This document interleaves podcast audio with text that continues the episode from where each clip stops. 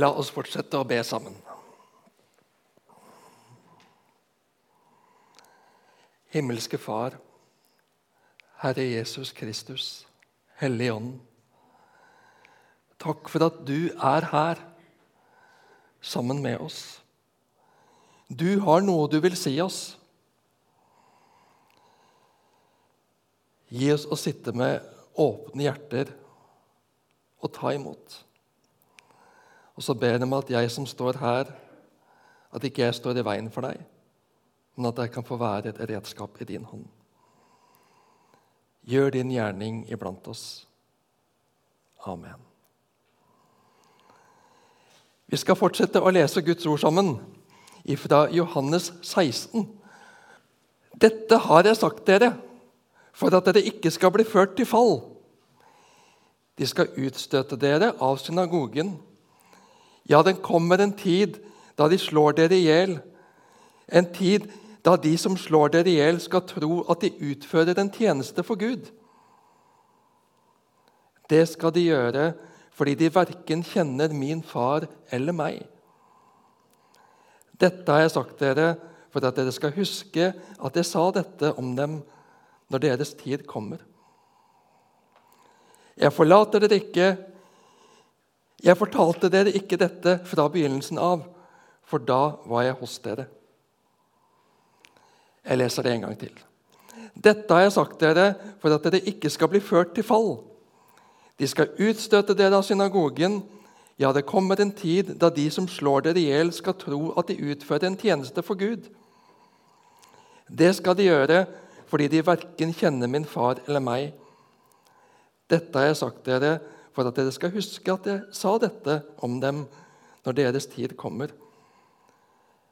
Jeg fortalte dere ikke dette fra begynnelsen av, for da var jeg hos dere. Slik lyder Herrens ord.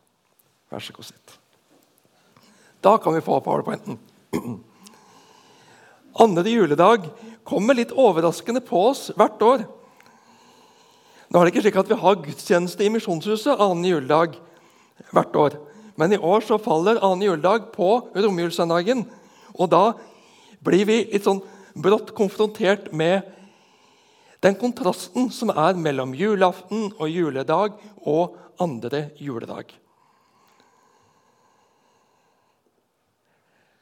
Vi har allerede hørt at den kalles Stefanusdagen. Vi røskes ut av julestemning, fred og glede og jubel og kastes ut i hverdagens realiteter. Ja, noen realiteter så vi kan si at heldigvis er ganske annerledes enn vi opplever dem her hos oss. Men de er høyst reelle andre steder på kloden og har alltid vært det opp igjennom historien. Fra Stefanus, som dagen i dag har fått navnet sitt etter, Stefanus, som vi leser om i apostlenes gjerninger, som ble steina for sin frimodige bekjennelse av Jesus, og som regnes som det første kristne martyr. Og mange steder der Misjonssambandet i dag driver arbeid gjennom utsendinger, gjennom kristen fagpersonell, så er det forbundet med store omkostninger å bekjenne den kristne tro. De kan miste alt. Familie, jobb, nettverk. Likevel så sender vi utsendinger dit for å gjøre Jesu navn kjent også der. I Nord-Afrika, i Sentral-Asia, i Midtøsten. For det er ikke frelse i noe annet navn enn Jesu navn. Uten Jesus så er både de og vi fortapt. Alle må få mulighet til å ta imot Jesus og bli frelst og få et nytt liv, et evig liv i ham. Selv om det kan ha store omkostninger. Med Jesus kan vi bli forfulgt, ja. Men uten Jesus er vi fortapt. Uten håp for framtiden. Jesus vil forberede også oss i Norge, også oss i Kristiansand, i Misjonshuset i dag. Dette har jeg sagt dere for at dere ikke skal bli ført til fall. Dette har jeg sagt for at dere skal huske at jeg sa dette om dem når deres tid kommer. Jesus har aldri sagt at livet som kristen skal være noen dans på roser. Jesus er ærlig med at det vil bli tøft. Dere vil møte motstand. Folk vil ikke forstå. De vil ikke bare dra på skuldrene i undring og sende noen overbærende blikk. Det vil også komme motstand. Og ikke bare fra sekulært hold, fra folk som ikke er interessert eller har sans for religion og religiøs tro. Ja, det kommer en tid da de som slår dere i hjel, skal tro at de utfører en tjeneste for Gud. Det var tilfellet for Stefanus. De religiøse lederne var så nidkjære for Gud. De var så alvorlige i sin tro og trospraksis det var i forsvar av Gud de drepte Stefanus. Han bedriver blasfemi. Han spotter Gud. Det er dødsstraff for slikt. Og vi ser ulike utslag av radikalisert tro i verden i dag, i ulike religioner. Størst av alt er kjærligheten, har blitt et slagord og et mantra i en del av kristenheten vår. En liten dreining på et bibelord revet ut av sin sammenheng og brukt til å forsvare en type kristendom hvor mye av den kristne, klassiske kristne tro og lære om hvordan kristne skal leve og følge Jesus, dreies eller viskes ut. For å gjøre kristendommen attraktiv så har vi snakket om at det handler ikke om at vi må gjøre det og det, eller at vi må slutte med det og det. Det handler bare om å tro. Og så har vi vektlagt velsignelsen og hvor godt det er å være en kristen. Og folk vil jo bli velsigna. Folk vil ha det godt. Og de vil slippe å bli fortalt hvordan de skal leve. Og så skaper vi en kristendom som er fjern fra Jesu kristendom og som kan bli en motstander av Jesu kristendom. Avsnittet vårt innleder med Jesu ord 'Dette har jeg sagt dere'. Og Det henviser trolig til det som Jesus har sagt like før, i slutten av kapittel 15. Og jeg har lyst til at vi skal ta oss tid til å lese det. Om verden hater dere, skal dere vite at den har hatet meg først. Hadde dere vært av verden, hadde verden elsket sitt eget. Men dere er ikke av verden. Jeg har jo utvalgt dere fra verden, og derfor hater verden dere. Husk hva jeg sa til dere. En tjener er ikke større enn sin herre. Har de forfulgt meg, vil de også forfølge dere. Har de holdt fast på mitt ord, vil de også holde fast på deres. Alt dette vil de gjøre mot dere for mitt navns skyld. For de kjenner ikke ham som har sendt meg. Var jeg ikke kommet, og hadde jeg ikke talt til dem, da hadde de vært uten synd. Men nå har de ingen unnskyldning for sin synd. Den som hater meg, hater også min far. Hadde jeg ikke gjort slike gjerninger blant dem som ingen annen har gjort, hadde de vært uten skyld. Men nå har de sett gjerningene og hatet både meg og min far. Men det ord som står i deres egen lov, skulle bli oppfylt. De hater meg uten grunn. Når talsmannen kommer, han som jeg skal vende, sende dere fra Far, sannhetens ånd, som går ut fra Far, da skal han vitne om meg. Men også dere skal vitne, for dere har vært hos meg fra begynnelsen av. til tross for motstand, ja, forfølgelse, så skal vi vitne om Jesus Kristus, vår Herre og Frelser. Ikke gi opp. Ikke mist motet. Ikke la dere tie i hjel. La ikke denne motstanden få føre dere til fall. Bli i meg og bli i mitt ord. Bli i sannheten. Det er sannhetens ord som setter fri. Som Jesus ber senere i denne talen. Hellige dem i sannheten. Ditt ord er sannhet.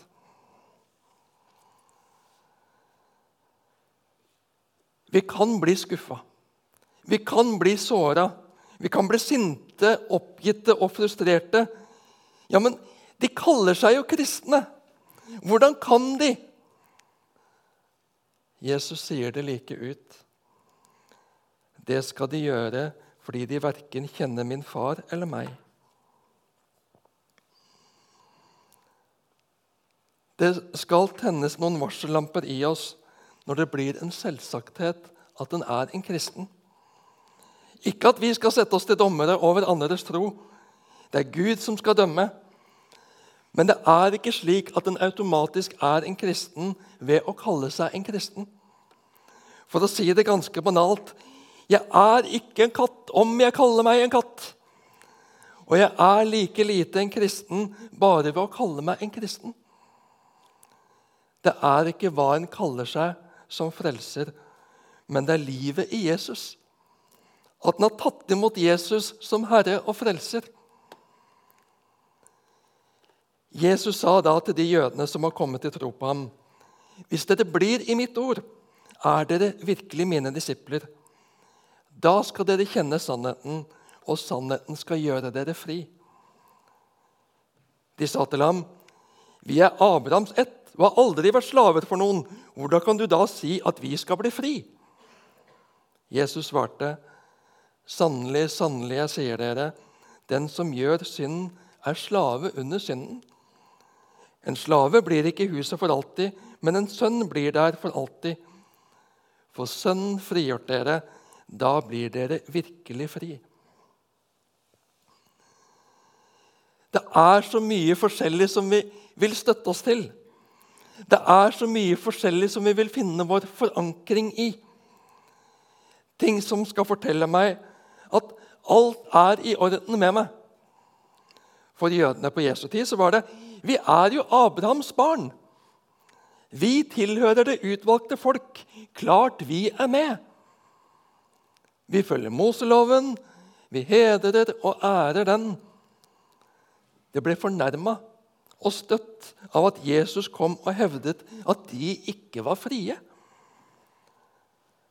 Den som gjør synden, er slave under synden, svarte Jesus. Vi kan ikke si ja til det som Jesus og Guds ord sier nei til. Vi kan ikke slutte fred med det som bryter med Guds ord og vilje.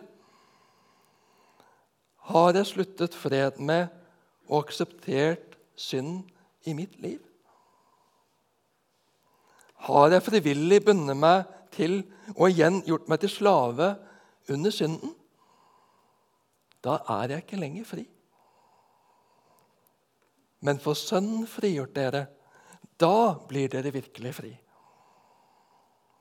Jesus har sonet for all verdens synd. Men lar vi ham få den? Eller tviholder jeg på synden? Koser meg med den, degger med den, forsvarer den? Jesus må ingenting forbinde meg igjen. Verken tradisjoner, hvordan vi pleier å gjøre ting, eller mine holdninger eller mine mørke hemmeligheter som ingen vet om. Jødene var Guds utvalgte folk når de holdt fast på noe, når de holdt fast på noe av Guds ord og tok det i sin retning framfor å lytte til hele Guds ord. Da så de ikke og gjenkjente de ikke Messias da han kom men de gjorde seg til fiender av Gud. Det samme kan skje med deg og meg. Derfor skriver Paulus til menigheten i Filippi, som André leste, som vi skal lese igjen.